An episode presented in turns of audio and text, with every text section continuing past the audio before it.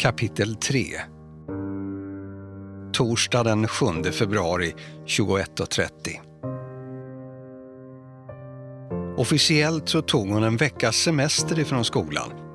Att ta ledigt från ett musikgymnasium för att vara med i festivalen, det var ingen stor svårighet att lösa. Lärarna tyckte tvärtom att det borde uppmuntras. Ändå hade hon fått med sig en rad förmaningar om att lägga tid på att plugga också. Stor chans. Om allt gick som det skulle var betyg och utbildning det minst viktiga i världen. Det var viktigare att hon övade på att säga nej. Det skulle hon behöva göra oftare när erbjudanden började regna in ifrån hela världen.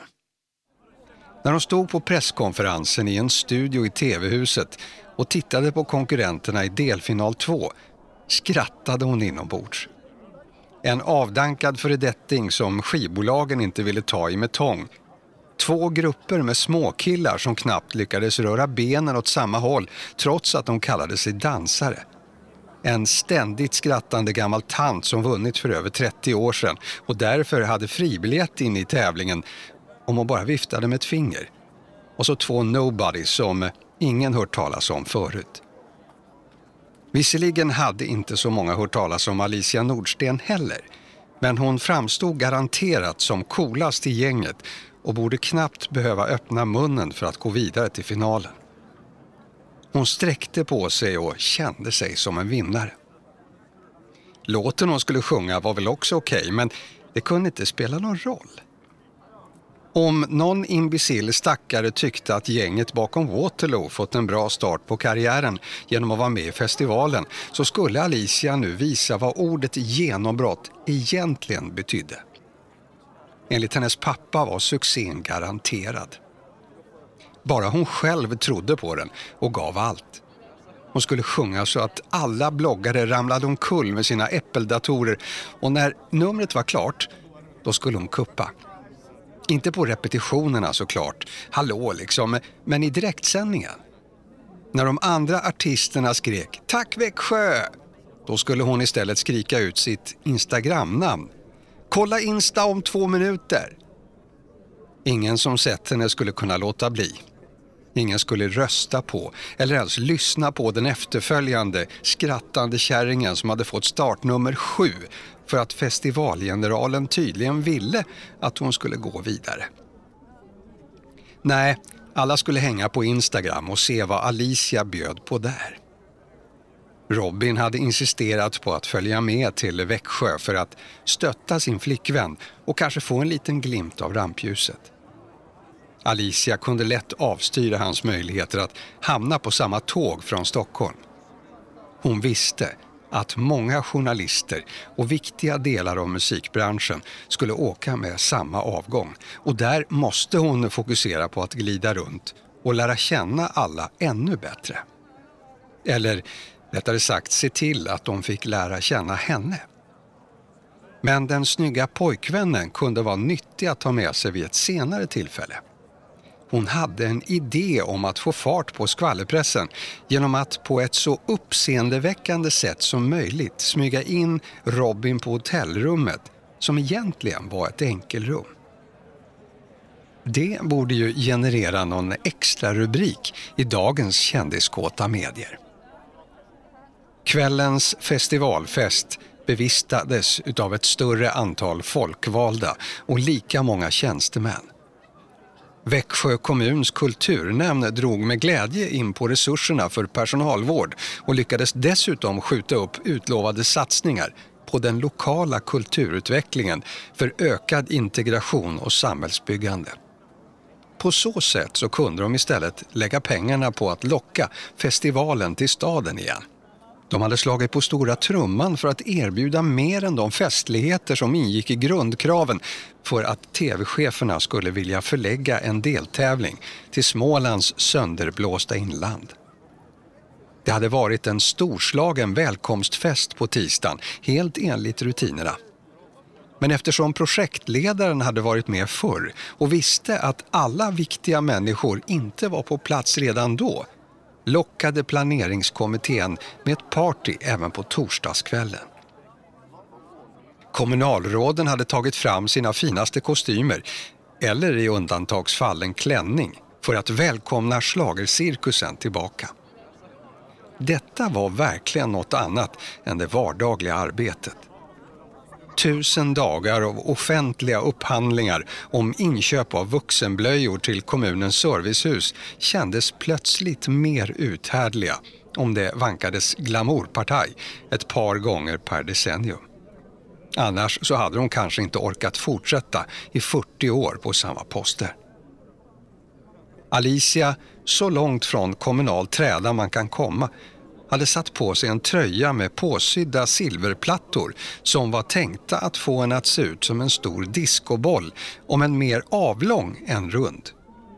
Kjolen borde egentligen kategoriseras som kortbyxor, eller knappt ens det. Den var av svart läder och klämde åt tajt om alla tillgängliga kroppsdelar.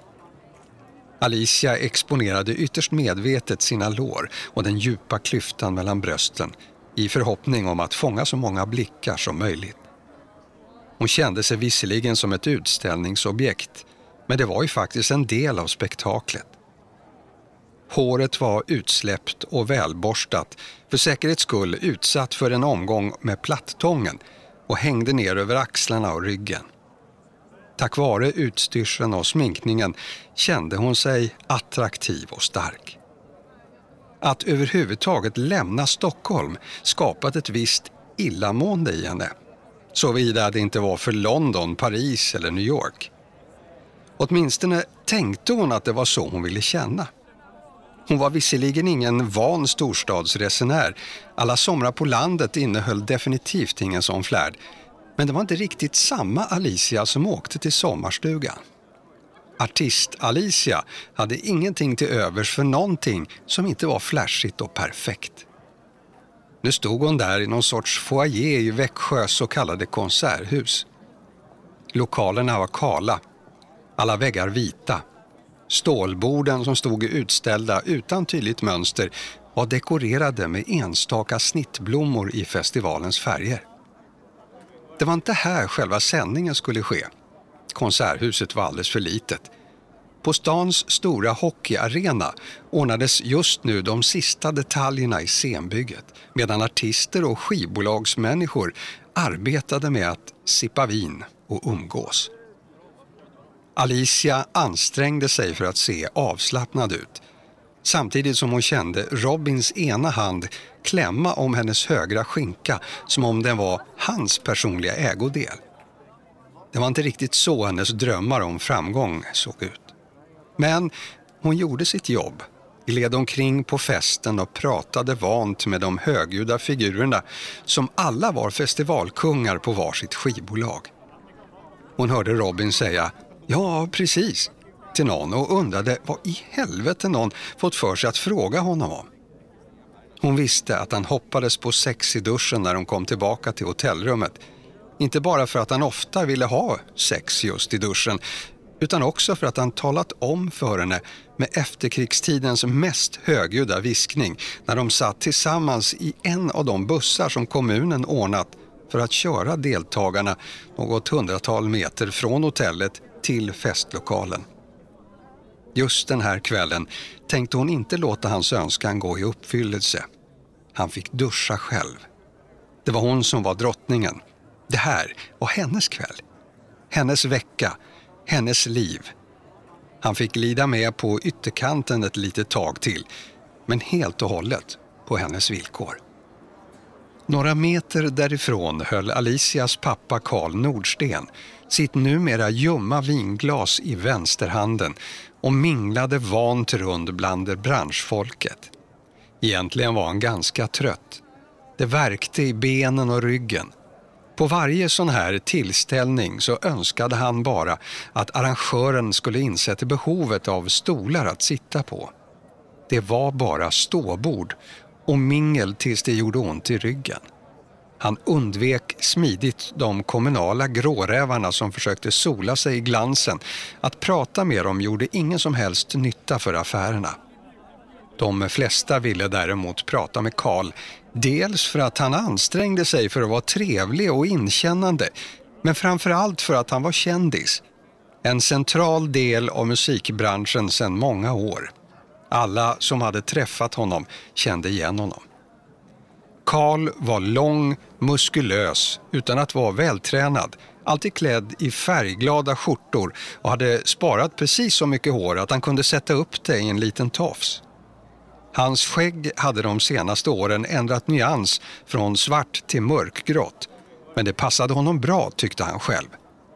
På något sätt så kände han sig mer senior i branschen med den kulören. Den signalerade tyngd och trovärdighet. Han vandrade från det ena bordet till det andra och konverserade andra kändisar. Då och då så kastade han ett öga på sin dotter som han tydligt instruerat att vara mjuk och trevlig mot rätt människor men samtidigt inte vara blygsam med sin övertygelse om att hon skulle leverera veckans skräll och som nykomling gå direkt till finalen. Alicia såg sin far passera, mötte hans blick och visste genast att det irriterade honom att hon tvärt hans instruktioner tagit med Robin, eller den eh, kickboxande ungtuppen som Karl kallade honom. Hon hade till och med ordnat så att han fått rätt badge för att komma in överallt och nu kunde hälla i sig den ena gratisdrinken efter den andra. I Karls sinne var grabben ändå snäppet bättre än den föregående pojkvännen som varit betydligt äldre och utrustad med en ful och trafikfarlig bil. Alicia var bara 15 år när hon träffade Kim som då var 21. Karl hade känt sig tvungen att åka till hans lilla lägenhet i Tumba för att hämta hem henne. Det unga paret hade gråtit när han meddelat att den så kallade romansen inte kunde fortsätta. Och Karl hade fått förklara att allt bara var en flyktig tonårsförälskelse och att det var bäst för dem båda att träffa andra i sin egen ålder. I Alicias fall, någon som inte kunde köra bil eller handla på Systembolaget. Men då hade han förstås inte haft någon våldsam gangster i tankarna som framtida partner åt dottern. Det hade varit betydligt bättre med en klasskompis som också höll på med dans och musik om man nu absolut måste slösa tid på killar trots sin låga ålder och absolut inte den här bråkmakaren från gettot. Hon var förvisso myndig nu, men det var en bisak. Enligt Karls förmenande så borde hon vara honom evigt tacksam för att han skapade hennes liv och karriär. Skulle hon mot förmodan utvidga sitt uppror till att börja bestämma saker på egen hand så skulle hon ändå inte kunna trolla bort alla rättigheter som han hade i egenskap av hennes kontrakterade agent på obestämd tid. På 18-årsdagen hade han låtit dottern signera en bunt papper om alla förehavanden och skyldigheter hon hade att leva efter i sin framtida artistkarriär. Tyvärr hade juristen tolkat det som ett skämt när Karl föreslagit att pojkvänners delaktighet i Alicias liv skulle kunna regleras i kontraktet på något sätt. Kickboxaren borde hitta någon i sin egen samhällsklass, tyckte Karl. Förslagsvis någon som bättre matchade hans låga intelligenskvot och dimmiga framtidsutsikter. Karl suckade och gick ut för att ta en nypa vinterluft. Han laddade mentalt eftersom han visste att han snart skulle stöta på någon ny som ville prata med honom. Vart han än kom så var det någon som hade något att säga.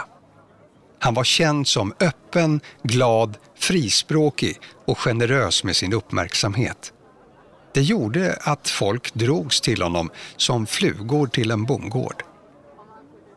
Alicia stod också och suckade. Hmm. Kvällen kändes avslagen. Hon kunde svårligen hitta någon i omgivningarna att se upp till eller ens betrakta som jämbördig. Det hade varit bättre om hon hade blivit placerad i en annan delfinal för att slippa exponeras tillsammans med en massa dåliga artister. Visserligen ökade hennes finalchanser genom att hon tävlade just här. I det här sällskapet skulle hon visserligen glänsa som en stjärna. Hon såg fram emot morgondagen desto mer. Då var det generalrepetition. Först i en tom arena och sen med publik. Det var hennes möjlighet att glänsa.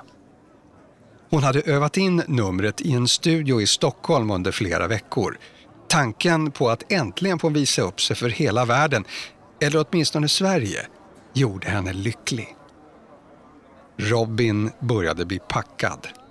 Han vinglade runt i en överdrivet tajt blå skjorta med tecknade bilder av palmer och badbollar. Hela scenen påminde om en gymnasiekille på sin första föräldrafria tripp till Cypern. Med förhoppningar om skumpartyn bakom varje hörn. Det mörka vattenkammade håret låg precis som det skulle. Leendet Smilgroparna och de mörka ögonen fick en av festivalens husdansare som också minglade omkring på festen att trånande tänka att just det här turnéstoppet var extra trevligt. Utsikten var ju fenomenal. Robin var verkligen snygg. Alicia suckade över hans mindre passande beteende men försökte samtidigt tänka strategiskt som hennes pappa skulle ha gjort. Var det möjligen en bra idé att Robin fick skämma ut sig lite redan nu så fanns det något att bygga på när han skulle avsättas från platsen som hennes pojkvän. Men nej, han fick inte skälla någon uppmärksamhet.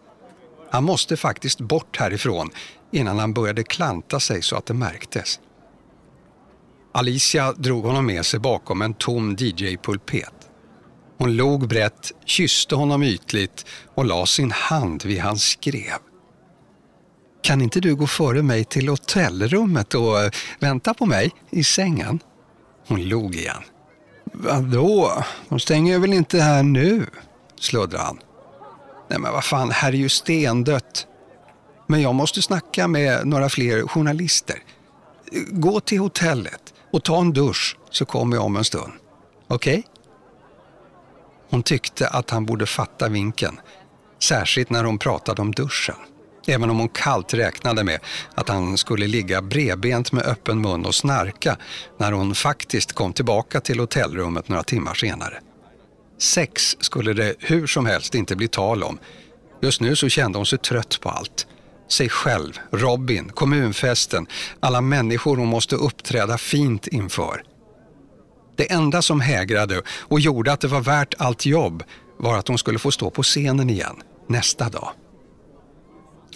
Jag värmer upp sängen för dig då, sa han leende och gav henne en kyss med tungan fladdrande mot hennes underläpp som om det skulle aktivera någon sorts oemotståndlig lockelse. Varför betedde han sig som en orm? Hmm, suckade Alicia till svar och lyckades få det att låta positivt. Robin backade ett par steg, snubblade över några illa hoptejpade kablar men fortsatte att le när hans kropp nästan ljudlöst föll in genom svängdörren till det nedsläckta köket. Alicia vände på sina höga klackar och gick utan vidare funderingar tillbaka mot baren. Poddtips från Podplay. I podden Något Kaiko garanterar östgötarna Brutti och jag, Davva, dig en stor dos skratt. Där följer jag pladask för köttätandet igen. Man är lite som en jävla vampyr. Man har fått lite blodsmak och då måste man ha mer. Udda spaningar, fängslande anekdoter och en och annan arg rant.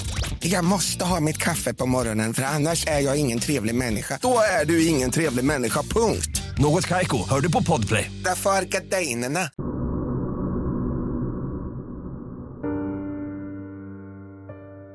Kapitel 4 Torsdag den 7 februari 22.15 Erik Holm satt på en hög barstol och skrattade när Alicia Nordsten kom vandrande mot honom med bestämda steg. Hon hade förmodligen känt igen hans högljudda skratt som mer lät som ett intensivt fnitter och omedelbart styrt stegen mot honom. Han brukade få höra att han liknade figuren på kaviartuben, fast med en aning mörkare nyans i det blonda håret. För Erik var det här de sex bästa veckorna på året. Festivalen på turné, det var det han levde för. Som liten hade han sjungit Carola-låtar framför spegeln i pojkrummet Och som vuxen hade han flertalet gånger speglat sig i Carolas hallspegel under en rad hemma hos-reportage. Sedan första gången han såg henne sjunga Främling var han som förhäxad. Han älskade henne och de hade ömsesidiga behov av varandra. Han ville ha skvaller, hon behövde synas och höras. Precis så hoppades han att det skulle bli med Alisa Nordsten också. Än så länge hade han inte träffat henne särskilt mycket, men han var nära bekant med hennes pappa. Fattades bara annat med tanke på att de båda var mycket välkända inom schlagercirkusen. Hon kom fram till honom, log brett, rätade på ryggen och tryckte ut bysten så mycket det gick utan att ramla framåt. Hon visste förstås att han inte var särskilt lockad av kvinnobröst, men hennes rörelsemönster var väl inövat. När hon träffade personer som kunde vara viktiga för hennes karriär så gjorde hon alltid sitt yttersta för att framhäva sina positiva egenskaper och till dem hörde hennes kropp och utseende, menade hon. Erik Holm hade inte kunnat bli annat än journalist. Visserligen blev hans dyslexi uppmärksammad redan på lågstadiet till fullständig förtvivlan för hans akademiska föräldrar. De kunde inte förstå hur resultatet av deras gemensamma genpool kunde bli som Erik. Men han hade blivit indoktrinerad i vikten av det skrivna ordet och att ta plats i samhällsdebatten redan som liten. Valet av inriktning för hans skrivande blev förstås något av en utmaning för hans närmaste omvärld. Eriks morfar hade i sina storhetsdagar varit chefredaktör på den största morgontidningen. Hans mamma var politisk redaktör och kolumnist. Själv ville han skriva om skvaller och slager. Knappast något som föll i god jord. Men det brydde sig Erik inte särskilt mycket om. Han trodde att relationen till föräldrarna ändå inte kunde bli sämre. Men det kunde den. Både hans mor och far var aktivt religiösa på ett sätt som fick Erik att tänka att familjen missat en generationsväxling Hans föräldrar, morföräldrar och farföräldrar framstod som precis lika mossiga. Dessutom var mamsen och pappsen några av de största homofober som kungariket Sverige kunde uppbringa. För några år sedan så bjöd han in dem till sin förlovningsfest med Marcus. Men de dök aldrig upp. Vad han arbetade med nu var förmodligen okänt för dem. Han kunde svårligen tänka sig att hans mor och far snubblat över något han skrivit. Hans bevakningsområde var lika populärt hos föräldrarna som baconlindad korv på en veganfestival. Vilket betyg kommer jag få då? Fyra eller fem? frågade Alicia. För att göra sig hörd över musiken som spelades var hon tvungen att luta sig fram till hans öra och nästan skrika. Om jag avslöjar det så måste jag skriva en artikel om din reaktion också vet du. Ditt galna glädjerus eller hur det rasar, svarade Erik. Alicia kastade huvudet bakåt och skrattade högt. Ett enkelt sätt att framstå som positiv. Men Erik Holm lät sig inte luras. Han kände igen sig själv i henne, visste precis hur han själv hade gjort när han tvingats lägga sig till med samma falska uppsyn och ge sken av total lycka om så jordens undergång var utannonserad att inträffa inom kort. Alicias ögon sa något helt annat än hennes språk och beteende och när han betraktade henne så såg han en extremt osäker ung tjej. Även om hon gjorde allt i sin makt för att framstå som självsäker, kaxig och oövervinnerlig. Men hon övertygar bara den som inte själv har varit i samma situation, tänkte Erik. Vill du ha en intervju? frågade Alicia. Tvärt vad hon borde förstås.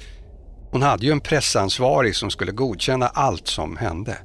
Men hon ansåg sig tydligen fullt kompetent att själv avgöra vad som gynnade henne. Erik tog förstås chansen att ställa de vanliga frågorna. Det var ofarligt. Han riskerade inte att irritera henne och därmed skapa ett avstånd dem emellan. Oavsett vad hon svarade så kunde han ändå vinkla det precis som han själv ville.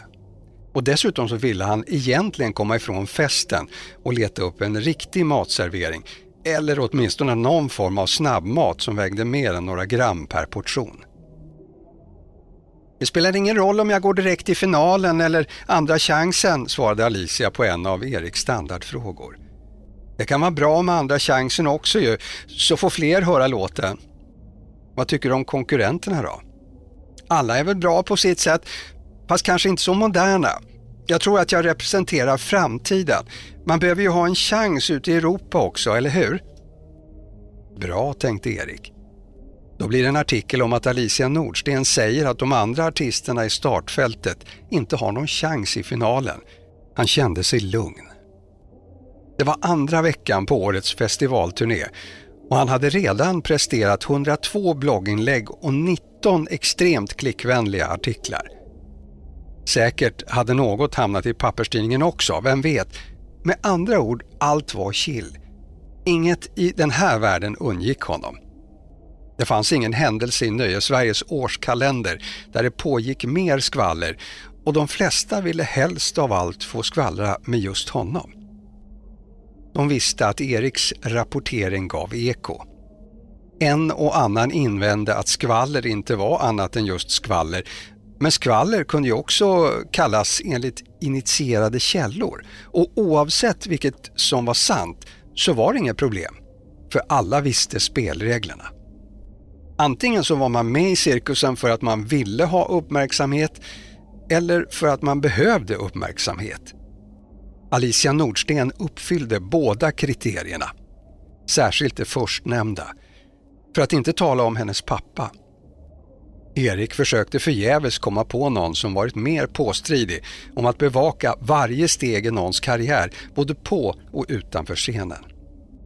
Själv hade Erik Holm naturligtvis otroligt bra koll på vad alla med kopplingar till festivalen sysslade med. Och just i fallet Alicia Nordsten så hade det varit fullständigt omöjligt för honom att missa något om han så hade försökt. Minsta antydan till offentligt intresse för något som rörde henne så fick han tio mejl och nästan lika många telefonsamtal. Pappa Nordsten verkade tro att de hade blivit kompisar. Eller åtminstone låtsades han det. Han hade börjat inleda deras samtal med personliga frågor inte för att Erik var ovan vid folk som ville få honom att skriva om just deras angelägenheter, men Karl Nordsten var i en klass för sig. Det var också därför han lyckats hålla sig kvar i branschen i så många år. Alicia var intressant, tänkte Erik. Det måste man ge henne. Hon hade en otrolig förmåga att kläcka ur sig det mest lämpliga i varje situation.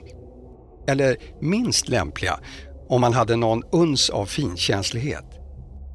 Erik förmodade att hon både var inspirerad och instruerad av sin far. Hon lyckades få uppmärksamhet för allt hon gjorde trots att hon ännu inte var känd för den breda massan. Men hennes genomslag i sociala medier var desto större. Det kunde vara oväntade samarbete med väl valda varumärken, flaxiga påser på röda premiärmattor eller bildserier som var lite för uppenbart smygfotade och aningens för medvetet läckta på Flashback. Särskilt de där lättklädda bilderna med pojkvännen verkade faktiskt vara ett beställningsjobb, illa maskerat som en paparazzi-insats. Gissningsvis hade Alicia läst diskussionstrådar om sig själv. Att googla sitt eget namn är väldigt lockande när man vill slå igenom. Hon måste ha skaffat sig en väldigt hård hud för att orka med omgivningens nedlåtande kommentarer. Alicia la sin hand på Eriks axel och sa ”Vi ses” och gick vidare till nästa journalist som hon kände igen.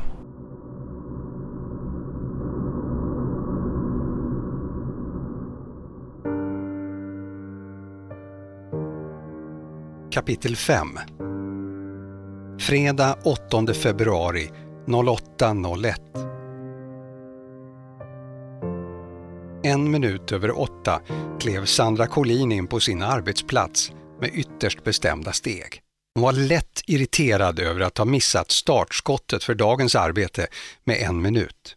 Och då hade hon ändå småsprungit den sista biten. Utsatt tid skulle hållas. Alla dörrar i den kala korridoren framför henne var fortfarande stängda, Tydligen var inte kollegorna på plats ännu. Sandra såg inga som helst tecken på mänskligt liv. Hela lokalen var mörk som en grav. Luftkonditioneringens dova surr var det enda som öronen kunde uppfatta. Hade morgonmötet blivit flyttat just den här dagen? Hon svängde runt ett hörn, lämnade den så kallade grå korridoren och gick in i den bruna. Jo, titta, det lyste från Gustav Franssons rum. Hans lampa brukade lagom fantasifullt kallas flitens lampa. Den lyste nämligen på alla möjliga och omöjliga av dygnets tider. Om Fransson jobbade på något så gjorde han det ordentligt.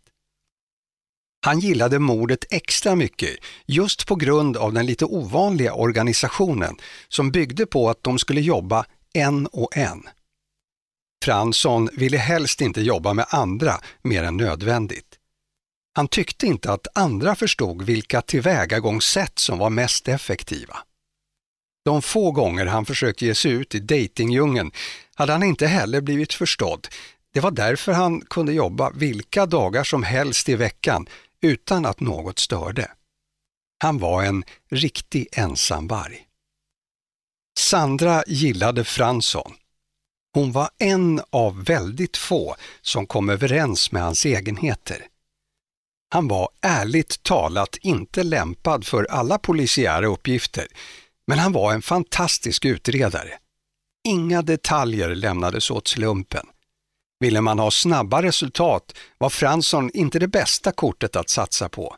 Men behövdes systematisk genomgång av stora mängder information gick det inte att hitta någon bättre soldat i hela polishuset. Denna fredagsmorgon var han djupt försjunken i en rapport från NFC.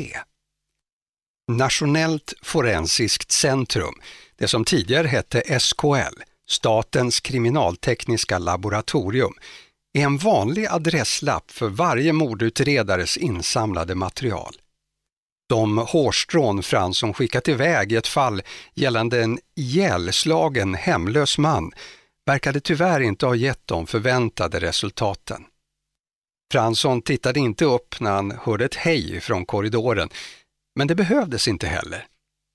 Han hade redan hört på fotstegen att det var Sandra som var tillbaka från sin obegripliga semester. Han höjde en hand i luften som hälsning, men sa ingenting. Sandra tog plats vid skrivbordet i sitt rum och loggade in på datorn. Inkorgen fylldes på ett ögonblick med 276 olästa meddelanden. Sandra slogs av tanken att det vore kul att läsa dem i fel ordning. Kanske sortera efter storlek eller bokstavsordning på rubrikerna. Hon stirrade några sekunder på de olästa ämnena längst upp, vände huvudet åt sidan och lutade sig bakåt i stolen. Det kunde inte skada att ta en kopp te först. Hon reste sig, gick ut i korridoren med siktet inställt på pentryt där vattenkokaren stod. Eller åtminstone hade gjort, innan hon åkte till Mallis. Fransson, har ni upprättat någon stöldanmälan för vattenkokaren? Fransson log faktiskt. Fick du inte värme så det räckte där nere vid Medelhavet? De hade ofta en skämtsam ton mellan varandra, väl medvetna om att de brukade tänka lika om livet och arbetet. Det var faktiskt vinter där också, men jag tror inte att vattnet var tillräckligt varmt för att koka te på sommaren heller där. Har du varit på Mallorca? Jag var i Malmö en gång. Det är väl halvvägs, svarade Fransson med en tydligt adresserad ironi. Testa att bara åka iväg någon gång. Ta en restresa eller vad som helst. Vem vet Fransson, du kanske gillar det? Vem vet, inte du, vem vet, inte jag, svarade han småsjungande. Nu citerade han Lisa Ekdahl också. Han upphör inte att förvåna, tänkte Sandra.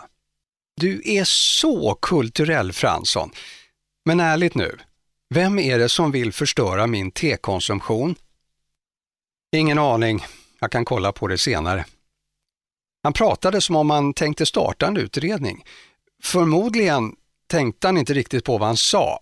Han gav bara sina vanliga rutinmässiga svar. Sandra var på väg att lämna Franssons dörrpost men ångrade sig mitt i steget och stack in huvudet igen. Du, varför är det ingen morgonmöte idag? Ja, Roger skulle till tandläkaren så vi skulle köra utan honom och så verkar alla ha tagit sovmorgon. Irriterande, tyckte Sandra. Många poliser menar att det bästa med jobbet är att man aldrig vet vad nästa dag har i beredskap. En vanvettig inställning enligt Sandra. Att inte veta vad man ska göra av sin dag är ren och skär katastrof. Struktur och ordning och reda ska det vara och gemensamt morgonmöte varje dag. Kolla om du har Asperger, hade Sandras bror föreslagit flera gånger. Man behöver väl inte ha en diagnos för att man vill ha ordning och reda, hade Sandra invänt med en suck. Hon gick mot hissen för att åka ner till kafeterian. Te måste man ha. Fan vad skön han är den där Fransson, tänkte hon medan hisskorgen började glida neråt. Och sjukt underskattad.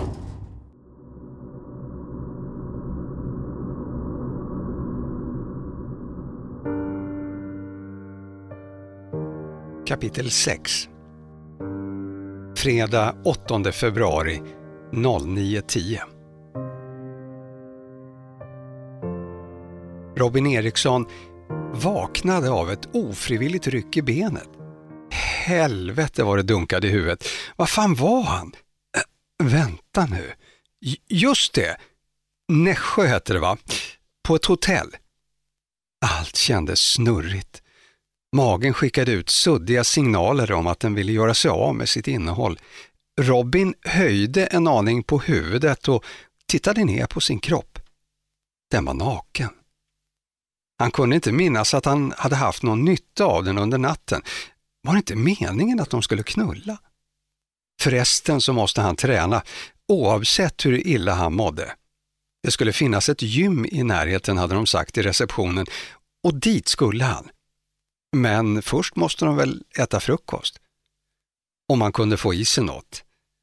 Det kändes väldigt osäkert om magen skulle vilja ta emot det. Han var ensam i rummet insåg han nu. Det var ganska litet. Ja, förutom sängen så rymdes det bara ett litet skrivbord och en stol. Och där hade han tydligen slängt sina kläder. Om Alicia var i hotellrummet så måste hon ju vara inne på toaletten. Han ropade efter henne, med enda resultat att hans huvudvärk vildsint signalerade åt honom att hålla tyst. Hade Alicia gått till frukosten utan honom? Hon har varit så sjukt märklig på den senaste tiden, på gränsen till otrevlig. Trodde hon att hon var så mycket bättre än han bara för att hon skulle vara med i TV? Robin kände hur ilskan började byggas upp inuti honom. Alicia uppskattade honom inte tillräckligt. Nu när han mådde så illa så kände han det tydligt. Att hon kunde understå sig att inte komma tillbaka förrän efter att han somnat och dessutom dra igen utan att väcka honom. Eller hade hon sovit någon annanstans? Hade hon varit otrogen mot honom? Nu skulle hon fan få förklara sig. Han letade, lätt frustande, efter telefonen. Var i helvete var den nu då? Efter en stund så hittade han den i byxorna på skrivbordet. Helt död. Batteritorsk. Han måste ladda den, bara en liten stund. Och sen skulle han ringa henne och säga åt henne att komma tillbaka till rummet och be om förlåtelse ordentligt. Inga jävla ursäkter om intervjuer eller något viktigt snack som hennes lökiga farsa tyckte var viktigare. Kärlek var för fan alltid viktigast. Och träning förstås. Men tränar man inte förtjänar man inte kärlek heller. Det var Lex Robin. Han kopplade in laddaren, la sig ner för att låta huvudet vila mot den mjuka kudden bara en liten stund. Och några sekunder senare så sov han igen, fortfarande naken. I en annan del av hotellet så var det mer liv och rörelse. Efter tre försök att nå sin dotter på telefon hade Karl Nordsten tröttnat, ilsket rest sig från frukostmatsalen och satt fart mot hennes rum. De hade viktiga tider att hålla idag. Det skulle repeteras i arenan under förmiddagen, kameravinklar skulle kontrolleras och justeras.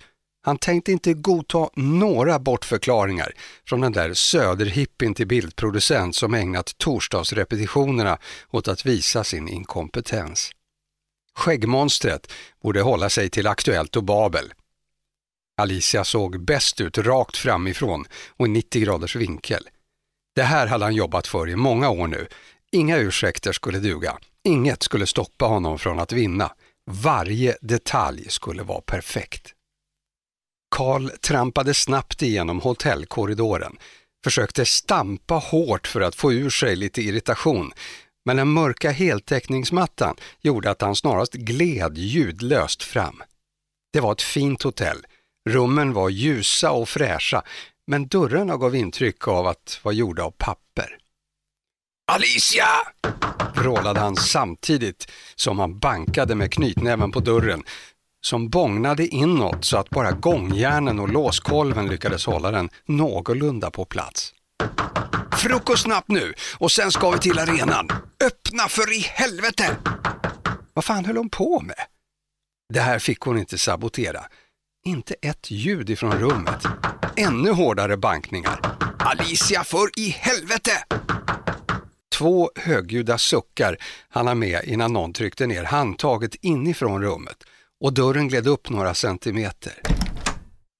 Karl tryckte in den med en dov smäll och tog ett par raska steg in i hotellrummet. Han var förbannad, rent av ursinnig och han inte reflektera över vilken tur det var för honom att den normalt supersnabbe kickboxaren var bakfull som få och bara tittade på honom med ett halvöppet öga. Dessutom var ungjäveln spritt språngande naken. Vad fan gör du? frustade Robin.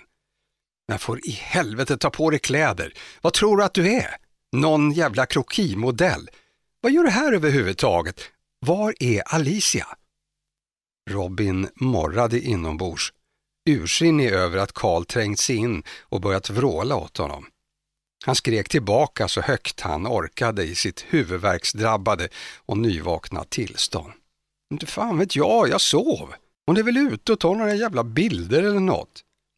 Hon ska upp på scen och repetera om en timme och bäst är att du letar fram henne snabbt. Ja, men jag vet ju inte var hon är, säger jag ju. Karl Nordsten pekade ett ilsket menande finger mot kickboxarens näsa. Robin stirrade förvirrat tillbaka med öppen mun, spända bröstmuskler och penisen hängande rakt ner mot golvet. Helvete! Utropade den uppretade fadern till slut i brist på annat att säga, vände och rusade ut i rummet utan att riktigt veta vart han var på väg.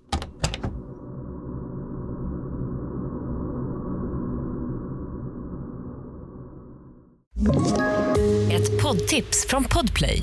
I fallen jag aldrig glömmer djupdyker Hasse Aro i arbetet bakom några av Sveriges mest uppseendeväckande brottsutredningar går vi in med hemlig telefonavlyssning och, och då upplever vi att vi får en total förändring av hans beteende. Vad är det som händer nu? Vem är det som läcker? Och så säger han att jag är kriminell, jag har varit kriminell i hela mitt liv men att mörda ett barn, där går min gräns. Nya säsongen av Fallen jag aldrig glömmer på Podplay.